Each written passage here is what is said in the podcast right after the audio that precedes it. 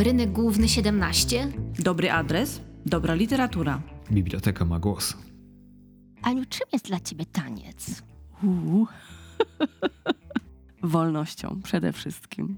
Nie mam umiejętności, nie znam podstawowych kroków, ale, ale, Ale lubisz, daje ci to radość. mam jak jeden z naszych bohaterów proponowanych przez nas dzisiaj książek ogromnym do tego zapał.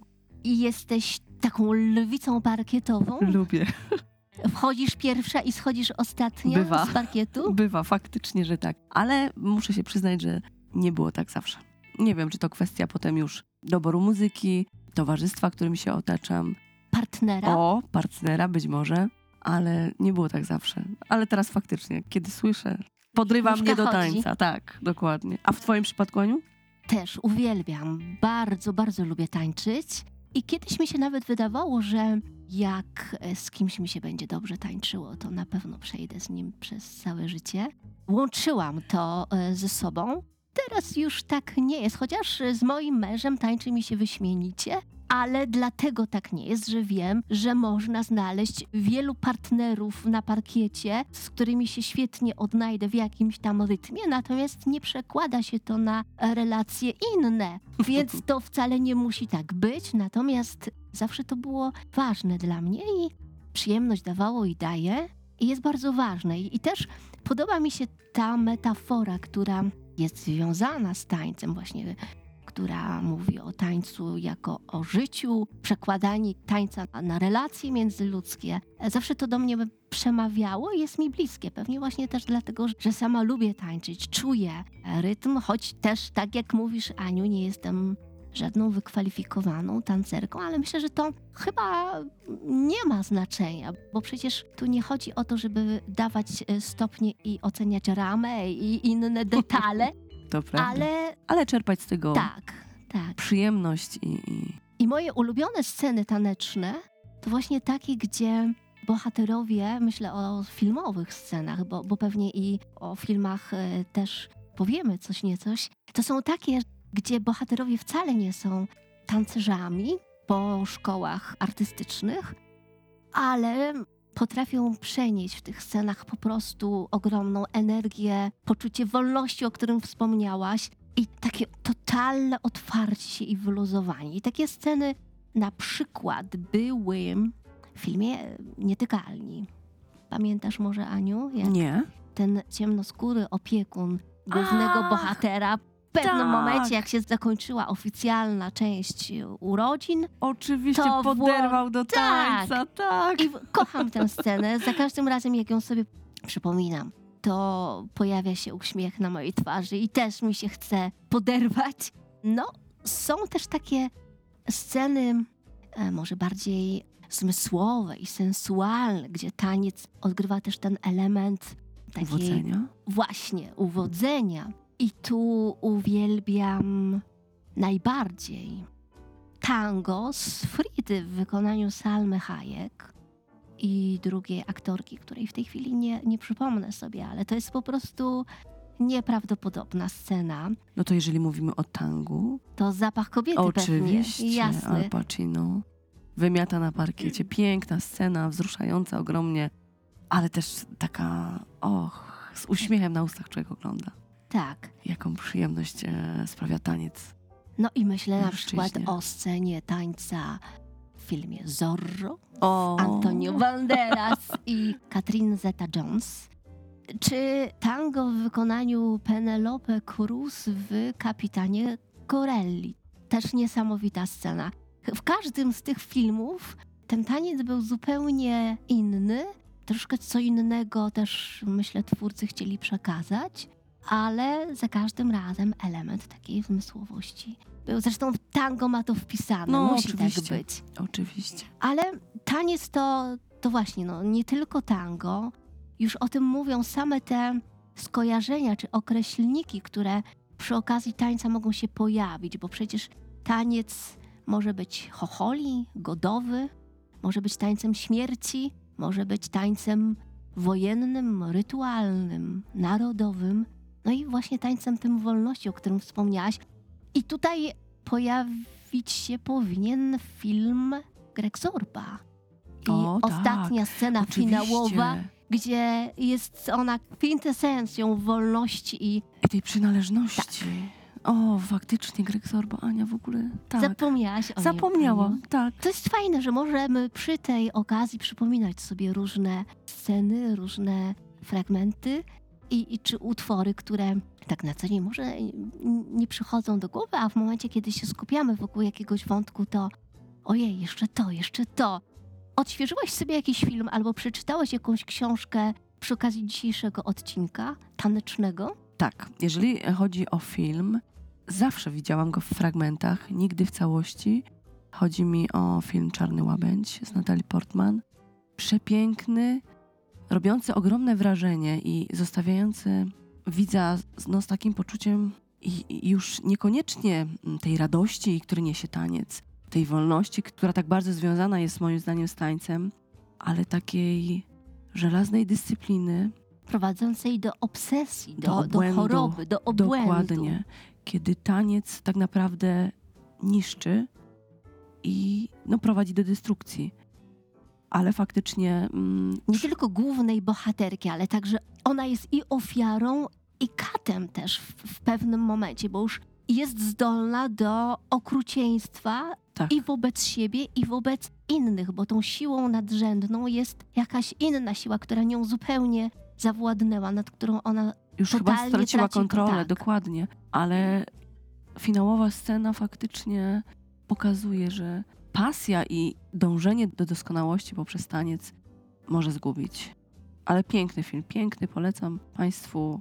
Jeżeli ktoś nie widział, to polecam, jeżeli ktoś widział, warto sobie przypomnieć. Chociaż dla mnie, to jak rozmawiałyśmy, to jest taki film, który mm, na pewno warto zobaczyć i, i też zgadzam się z tobą, Aniu, że jest to jeden z tych obrazów, który trzeba zobaczyć. Natomiast to jest jeden z tych filmów, do których ja nie mam ochoty wrócić. To znaczy, są w nim sceny dla mnie silne emocjonalnie i takie trudne w odbiorze i tak mocne, że po prostu nie chcę już ich przetrawiać ponownie. No nie ukrywam, Zobaczyć- że ja też w tak, kilku momentach zamykałam ale, oczy. Tak, ale bo było za zobaczyć i dużo. zapomnieć, tak. Tak. Chociaż one się też opierają na bardzo prostych zabiegach filmowych. Odgłosem, dźwiękiem, obrazem, zbliżeniem można Szybkością ruchu. tak przestraszyć i wpłynąć tak na widza, że on będzie rozdygotany, a tak naprawdę nie widzimy potworów, jakichś dziwnych stworów. To, to zupełnie inaczej się na nas oddziaływuje, ale to jest bardzo silne w odbiorze. To prawda. No i skoro już zaczęłyśmy o czarnym łabędziu, to myślę, że możemy od razu wspomnieć o książce, która nam się z filmem oczywiście skojarzyła. No myślę, że głównie przez balet, bo mówi o czymś zupełnie innym. Znaczy, z jednej strony tematyka jest zbieżna, to znaczy Tak. jak taniec może determinować czyjeś życie i jak być dla bohaterki czy jednej z bohaterek ważny i ile jest w stanie dla niego poświęcić i co zrobić, żeby go uprawiać w takiej formie, jak chce, żeby osiągnąć ten, Upragniony sukces. tak, tak, którym jest główna rola w spektaklu baletowym i ważna pozycja w zespole, pochwała reżysera i szefa teatru. Ale myślę też, że pochwała ze strony ojca, prawda? Tak, no bo dla niej symboliczne znaczenie i, i niezwykle ważne było Zwrócenie na siebie uwagi poprzez taniec. i uwiecznienie choćby tego O, na prawda. fotografii i jakie to ta fotografia ma, ma miejsce i co ona znaczy, taki drobiazg, a no pewnie tak, to wszystko się ze sobą wiąże. Rynek główny 17. Nie powiedziałyśmy o jakiej książce mówimy chyba, Aniu. Nie powiedziałyśmy o... Święto Ognia Jakuba Małeckiego, jeden z ważniejszych autorów w Polsce W tej chwili na, obecnie. tak, tak, na rynku wydawniczym jak najbardziej. e, warto sięgnąć. Tak jak też rozmawiałyśmy, dla niektórych może nie jest to najważniejsza książka w jego dorobku, ale Jeżeli chodzi z kolei o mnie, gdzie, czy o czytelnika, który miał pierwszy raz kontakt z twórczością Jakuba Małeckiego, to mimo wszystko robi wrażenie. oczywiście, bo jest to autor bardzo sprawnie posługujący się językiem. I tu nie chodzi tylko o taki rzemieślniczy warsztat, ale też budowanie e, historii i to, w jaki sposób nam ją przekazuje, jakich środków używa, jak prowadzi narrację, bo przecież tutaj ten świat przedstawiony poznajemy z punktu widzenia chyba każdego bohatera. Świat jest opisywany i z y, perspektywy wózka inwalidzkiego, i z perspektywy osoby, która tańczy, i z perspektywy ojca, który też y, patrzy na wszystkie te sytuacje zupełnie inaczej niż jego córki, niż żona. Mnóstwo wątków, mnóstwo postaci bardzo takich charakterystycznych, silnych, barwnych, ale też świat w pigułce, bo wiele sytuacji dzieje się w obrębie mieszkania, rodziny opisywanej. Dla mnie to taka książka o uważności, tak naprawdę, o patrzeniu w głąb drugiego człowieka, na skupieniu się na tu i teraz. I niewiarygodna jest w tej historii ta optymistyczna postawa młodszej z córek, Mhm. Nastki, która, tak jak Aniu mówiłaś, świat ogląda z wózka inwalidzkiego, wyglądając przede wszystkim przez, Przez okno. okno. Ale to też bardzo ważna książka i o rodzinie, i o troszkę poszukiwaniu perfekcji w tym niepoukładanym naszym świecie.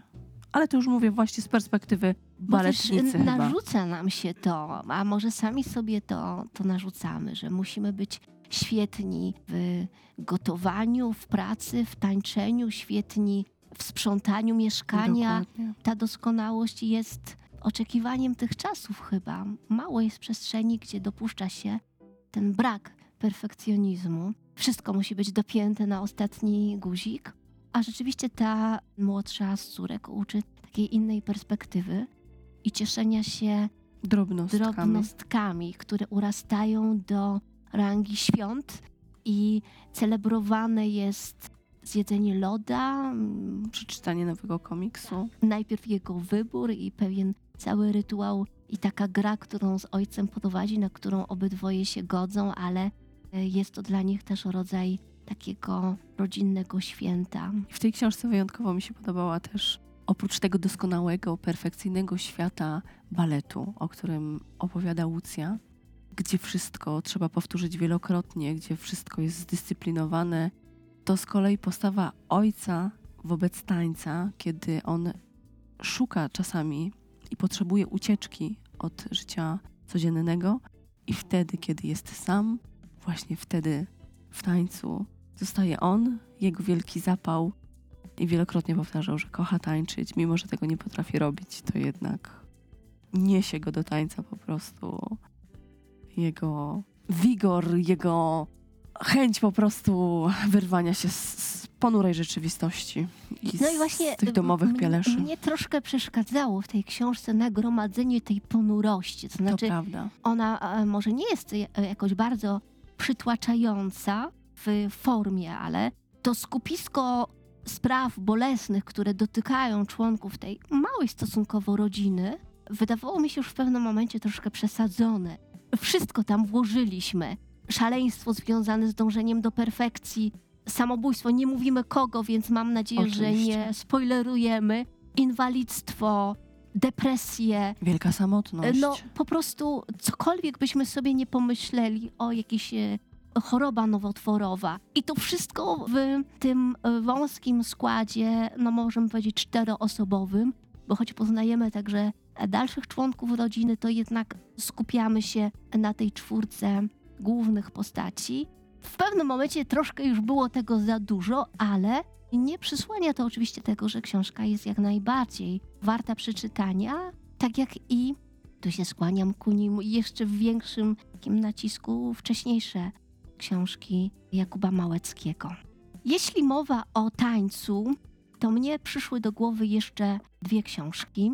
Harukiego Murakamiego Tańcz, tańcz, tańcz oraz Horace McCoy Czyż nie dobija się koni. Zupełnie różny kaliber, praktycznie nic nie łączy, oprócz tego, że w jakimś stopniu każda z nich mówi o tańcu. Może zacznę od Harukiego Murakamiego, którego zresztą bardzo lubię i cenię i za jego opowiadania, no i oczywiście z zapowieści również. A ta zaczyna się tak. Często śni mi się hotel pod delfinem. We śnie jestem jego częścią. Stałem się nią w rezultacie pewnego ciągu zdarzeń. Sny jednoznacznie ukazują ten ciąg. Hotel pod delfinem jest w nich zniekształcony, bardzo długi i wąski, tak długi i wąski, że nie wygląda na hotel, a raczej na most pokryty dachem. Ten most rozciąga się od starożytności do końca wszechświata, a ja jestem jego częścią. Ktoś w nim płacze. Płacze nade mną. Należę do niego. Czuję wyraźnie jego tętno i ciepło. We śnie jestem jego częścią. Takie są moje sny. Dobry adres, dobra literatura. Główny bohater pozostaje anonimowy. Od pierwszej do ostatniej strony nie poznajemy jego imienia. Właśnie przez te sny, które każą mu wrócić do hotelu pod delfinem w Sapporo. Sam mieszka na stałe w Tokio, jest dziennikarzem pracującym na zlecenie.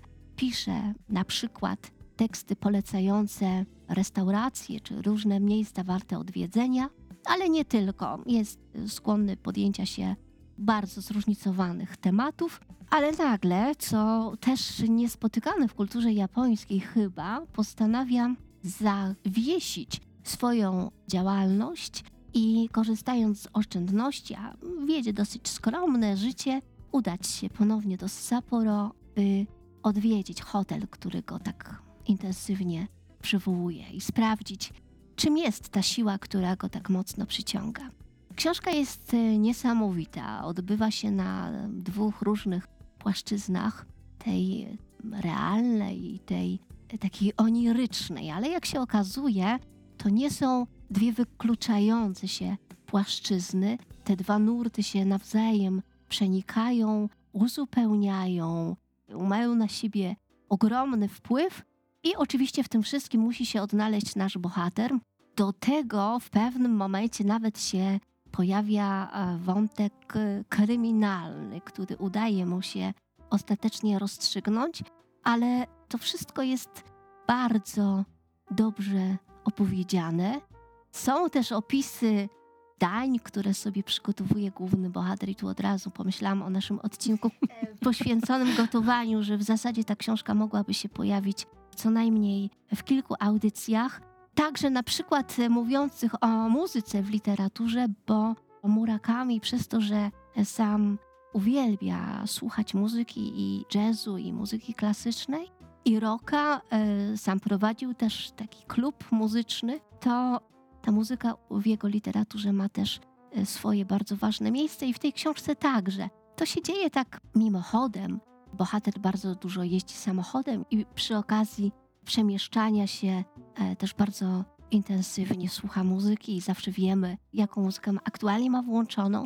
Ta muzyka też staje się pomostem między nim a pewną trzynastolatką, która jest niezwykłą osobą, zwłaszcza e, w kontekście jej wieku, bardzo dojrzałą, ale też mającą niezwykłe umiejętności, co sprawia, że ma problemy z porozumiewaniem się z innymi, z relacjami, chociażby w grupie rówieśniczej, a ta muzyka pomaga głównemu bohaterowi dotrzeć do niej i tworzą naprawdę bardzo mocną relację, taką, która wzajemnie im chyba pomaga. Polecam ci, Aniu. Nie wiem, czy będziesz miała ochotę sięgnąć po tę książkę. Nigdy jeszcze nic. Mm, Murakamiego nie nie, czytałaś. tak, tak, tak. Warto sięgnąć po opowiadania, aczkolwiek nie polecam tego ostatniego zbioru. Oczywiście. Są takie, które dużo bardziej mi się podobały. Oczywiście to kwestia już indywidualna, może akurat stwierdzisz inaczej. Natomiast tu jeszcze pozwolę sobie przeczytać jeden fragment, który mówi o właśnie o tańcu. Główny bohater, tak jak wspomniałam, dociera do hotelu, tam spotyka pewną postać. I to jest człowiek owca.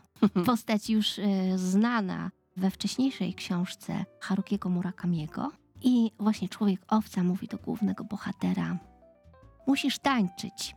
Kiedy słyszysz muzykę, musisz tańczyć. Rozumiesz, co mówię? Tańczyć. Ciągle tańczyć. Nie wolno ci się zastanawiać, po co tańczysz. Nie wolno ci myśleć, co to znaczy, bo to nie ma znaczenia. Jeśli zaczniesz o tym myśleć, zatrzymasz się w tańcu. A kiedy się zatrzymasz, nie będę mógł już nic dla ciebie zrobić. Znikną wszystkie twoje połączenia. Znikną na zawsze. A wtedy będziesz mógł żyć tylko w tym świecie. Stopniowo zostaniesz tu wciągnięty, dlatego nie możesz się zatrzymać. Nawet jeżeli wyda ci się to strasznie głupie, nie możesz się tym przejmować. Musisz starannie stawiać kroki i ciągle tańczyć. To jest moja propozycja taneczna, a książka, do której też wróciłam po wielu, wielu latach, zachęcona Twoim pomysłem na temat dzisiejszego nagrania, to opowieść, którą pierwotnie znałam z wersji filmowej, kinowej. W 1969 roku Sidney Pollack nakręcił legendarny film i on zrobił na mnie ogromne wrażenie. I później trafiłam na książkę bardzo cieniutka, niepozorna, a jest też niezwykłą historią relacji między głównym bohaterem, który jest też narratorem tej historii. Zaczyna się ona na sali rozpraw, gdzie pada wyrok skazujący go za morderstwo. Jak się okazuje, zabija partnerującą mu w tańcu kobietę, a poznali się w sumie przypadkiem i byli takimi rozbitkami, których fala życia wyrzuca na brzeg i razem postanawiają wziąć udział w turnieju, który przyciąga e, mnóstwo właśnie takich rozbitków, aktorów niespełnionych, nie mających akurat żadnych propozycji filmowych, łowców nagród. Dla zwycięskiej pary w maratonie czeka nagroda pieniężna, dość pokaźna, stąd przyciąga wielu takich y, niespełnionych, niezrealizowanych życiowo Kandydatów. tak. Każda para jest dość specyficzna, mająca swoje problemy i swoją historię, swoje też odrębne podejście do tego wyścigu, a potem okazuje się, że ta chęć wygranej e, powoduje, że widzimy pot, widzimy łzy, zmaganie się ze swoimi słabościami, z bąblami na nogach, z ogromnym bólem, który towarzyszy, a organizatorzy podkręcają atmosferę, przyciągając coraz większe e, grupy widzów, sponsorów, żeby urozmaicić to widowisko kosztem no, ludzi, jak to często bywa w rozrywce. Niesamowita książka, też w swej prostocie. Nie będę odpowiadać na pytanie tytułowe, Mhm. bo to już każdy z nas musi sobie sam spróbować odpowiedzieć, czyż nie dobija się koni. O ile taniec kojarzy się z radością, ze spontanicznością, wielokrotnie powtarzaną przez nas wolnością, to moja kolejna propozycja. Reportaż Weroniki Kostyrko, zatytułowany Tancerka, w tytule już, Tancerka i Zagłada. Historia Polini Reńskiej. Oni o radości tańca nie mówi, ale mówi o ogromnej wolności, który taniec daje. I myślę, że to jest bardzo ważna książka, chociażby z tego tytułu, że o Polini Reńskiej wiemy bardzo niewiele. Autorka, która pokusiła się, żeby spisać historię tej prekursorki tańca modern, odwiedziła i Waszyngton, i Nowy Jork, i Kalifornię, i Londyn, Florencję, Berlin, Kolonię, Drezno, Wiedeń i Tel Awiw, żeby zebrać, usystematyzować niesamowitą historię życia żydowskiej tancerki, która jest tak naprawdę pełna sprzeczności, bo z jednej strony wywodzi się z rodziny ortodoksyjnych Żydów, ale została posłana do katolickiego gimnazjum. Więc tak naprawdę do końca życia ma problem z tym, do jakiego świata przynależy. Mimo, że Polka, to po wyjeździe z Polski, po śmierci swojej ukochanej siostry, przestaje mówić w języku ojczystym. Bardzo zdeterminowana, bardzo odważna, bo kiedy w wieku 17 lat wyjeżdża z Polski, tak naprawdę zna tylko słabo język francuski.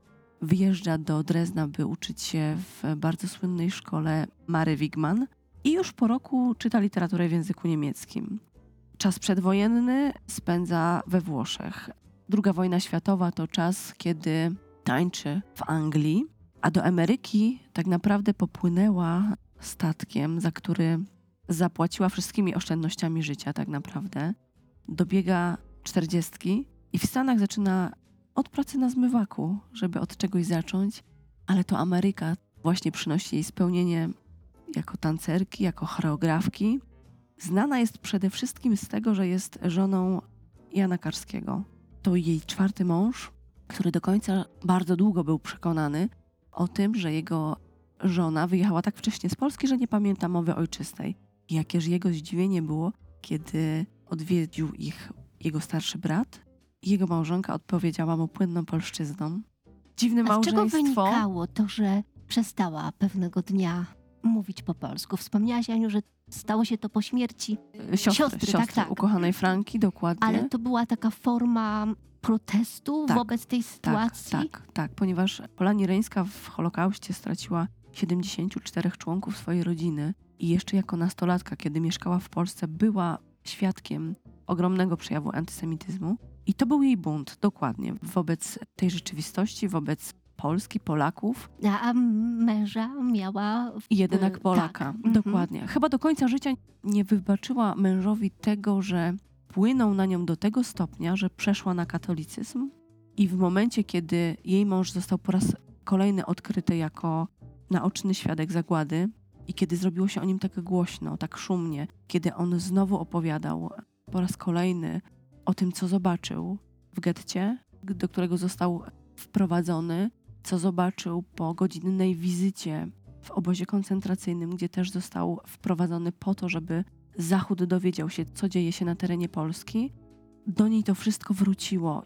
Myślę, że poczuła, że zdradziła swoją rodzinę, tym bardziej, że jednak, mimo że taka była w rozkroku między katolicyzmem a, a swoją rodzimą religią, to, to jednak to, to poczucie przynależności wróciło z końcem życia.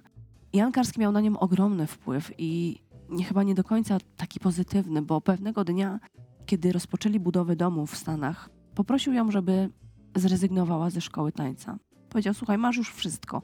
Chciałbym mieć teraz żonę. I dla niej tak naprawdę to był czas, kiedy ustała działalność artystyczna, kiedy taniec przestał być tak ważny w jej życiu. I to była taka równia pochyła już. Zaczęła chorować, cierpiała w tym czasie, przez 10 lat zmagała się z depresją. Ostatni, tak ważny dla niej wystąpienie sceniczne to była tylko już faktycznie choreografia, ale bardzo ważna, bardzo symboliczna. Była to tetralogia Holokaustu. I tak pokrótce była to historia matki i jej córek, które w finale trafiają do obozu koncentracyjnego. Premiera tego przedstawienia odbyła się w wieku 80. urodzin Poli, ale co ważne w tej książce, to jest to, że autorka jest tak drobiazgowa. To jest wręcz detektywistyczna dla mnie książka. Jest pełna odniesień, pełna szczegółów, anegdot. I z jednej strony czytelnik ma takie poczucie rozmycia i rozrzedzenia, ale z drugiej strony Weronika Tymi Kostyrko Plamkami i punkcikami dokładnie jest tworzony cały taki obraz. klimat epoki, Mhm. taki krajobraz XX wieku, więc ja wielokrotnie czytając pewne fragmenty, towarzyszył mi stale dostęp do internetu, żeby spojrzeć, jak wyglądała dana osoba, bo jest tak sugestywnie opisana. To byłaś, Aniu, czytelnikiem idealnym. Bardzo. Nie ukrywam, ale do czego zmierzam i ta detektywistyczna dociekliwość ustąpiła zakończeniu, ponieważ e, Polani Reńska popełniła samobójstwo.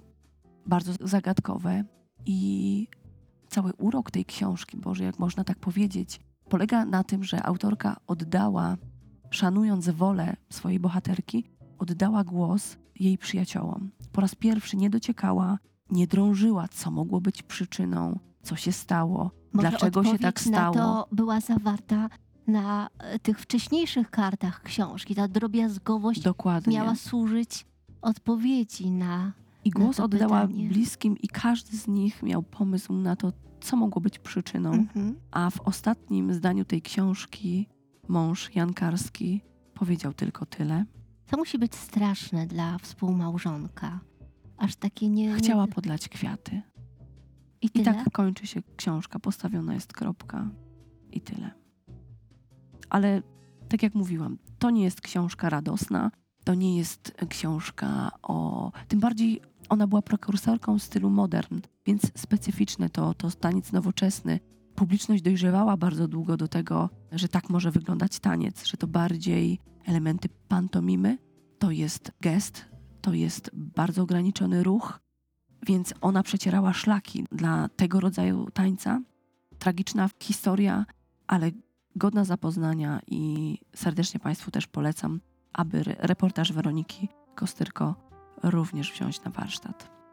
Polecimy jeszcze e, dwa filmy dokumentalne, myślę. Tak, również pochodzące z naszych zbiorów multimedialnych i też mówiące o wybitnych tancerzach i choreografach. Choreografach. Mhm. czyli Mr. Gaga, film o miłości i tańcu, którego bohaterem y, jest Hat Naharin, twórca własnego języka tanecznego, który określił mianem Gaga i Pina, film w reżyserii Wima Wendersa, który ma w podtytule Tańczcie, tańczcie, inaczej jesteśmy zgubieni, jak miała mówić bohaterka. Film powstał myślę o Pinie w 2011 roku i nad nim reżyser pracował jeszcze wspólnie z bohaterką. Niestety nie doczekała ona i przez głównie oczywiście chorobę zmarła przed premierą filmu. Te dwa obrazy, mimo że mówią o świetnych tancerzach, o prekursorach nurtów, które stworzyli, które propagowali, o takich mistrzach dla prowadzonych przez siebie grup tanecznych, o, o takich guru dla rzeszy tancerzy z całego świata, to jednak są to zupełnie inne historie, tak jak zupełnie inni są bohaterowie tych opowieści. Film Opinie mówi głosem jej tancerzy. I ona sama jest jakby w cieniu tej opowieści, natomiast głównie wyeksponowane są emocje i historie osób, które wokół niej się zgromadziły i które wszystko by dla niej zrobiły, bo miały to poczucie, że i ona dla nich, szanując ich wolność, z jednej strony otwierając ich, ale to się wszystko działo z ogromnym poszanowaniem dla ich emocji, dla ich wspomnień, dla ich, Ich temperamentu wrażliwości, temperamentu i tak dalej. Tak, Mr. Gaga był też oczywiście taką charyzmatyczną, był i jest postacią, która jednak zupełnie miała inne metody pracy i to on tworzy i opowiada swoją historię. Czasami konfabulując, czasami ubarwiając dla własnej przyjemności i dla tej chęci kreacji, z tej potrzeby kreowania wszystkiego wokół, także samego siebie, ale dla Naharina zawsze liczył się efekt i to, żeby tancerze osiągnęli tę doskonałość, która tkwiła w jego obrazie, w jego wizji i musiał ten efekt osiągnąć, Mhm. wykorzystując wszelkie możliwe środki. Oczywiście jego sytuacja też y, życiowa i te doświadczenia, które stały się jego udziałem, wpłynęły na to, że i sposób prowadzenia przez niego własnej szkoły i tego, jak budował współpracę z tancerzami i jego stosunek do tancerzy się zmienił, ale te początki były niezwykle trudne. Natomiast y, jeszcze wracając do filmu o Pinie, to było niesamowite i dla mnie bardzo przejmujące, że oprócz niezwykłych, fenomenalnych fragmentów przedstawień, czy też takich sekwencji tanecznych, które tancerze wykonywali po fragmencie, kiedy każdy z nich miał możliwość wypowiedzenia się, kim dla niego była Pina, to ta opowieść była głównie skonstruowana właśnie na ruchu, na Tak, ekspresji ekspresji. Dokładnie. Mhm. I jeżeli nawet słowa się pojawiały, to one były czytane z tak zwanego offu, a padały w momencie, kiedy poszczególni aktorzy siedzieli na wprost kamery, patrzyli w nią, ale tym głównym sposobem przekazu był taniec. Taniec, ciało dokładnie. Tak. I niesamowite dokumenty, niesamowite postaci, bardzo poruszające. I to, jak znowu prostymi środkami, tylko albo aż posługując się ludzkim ciałem i poszczególnymi konfiguracjami, e, można oddać emocje tak różnego typu, od radości po smutek, oddać piękno, Rozpacz. oddać rozpacz, szaleństwo, strach, niewolę i znowu y, przeciwny biegun, totalną wolność. Bardzo piękny też od strony wizualnej. Obydwa jeden, filmy, tak, godne obraz. polecenia. I w przypadku Piny, kiedy czytałam, że Pola Nireńska nie ma żadnego zapisu audio, jak wyglądał jej taniec, to jest tylko wspominali to przyjaciele, to oglądając Pinę i niektóre właśnie elementy tańca, tak sobie wyobrażałam, że tak mogła tańczyć Pola Nireńska. Żeby nie kończyć też tak bardzo, bardzo ciężko, Mhm. to zaproponujemy Państwu dwa filmy dla oddechu, które jednak pokazują tę lekkość tańca i to, jak taniec może zmienić czyjeś życie in plus. To koniecznie na takie smutniejsze wieczory proponujemy do zakochania jeden krok, ewentualnie wytańczyć marzenia. Marzenia. Biblioteka ma głos. Czy Ani już wiemy, znamy kolejny Tak. temat spotkania? Tak, moja propozycja, wynikająca poniekąd z dzisiejszego tematu, to uwodzenie. Oj. Serdecznie zapraszamy. Anna Ptaszkiewicz, godzina. Anna Sobula. Realizacja i mixing Radosław Świerkosz.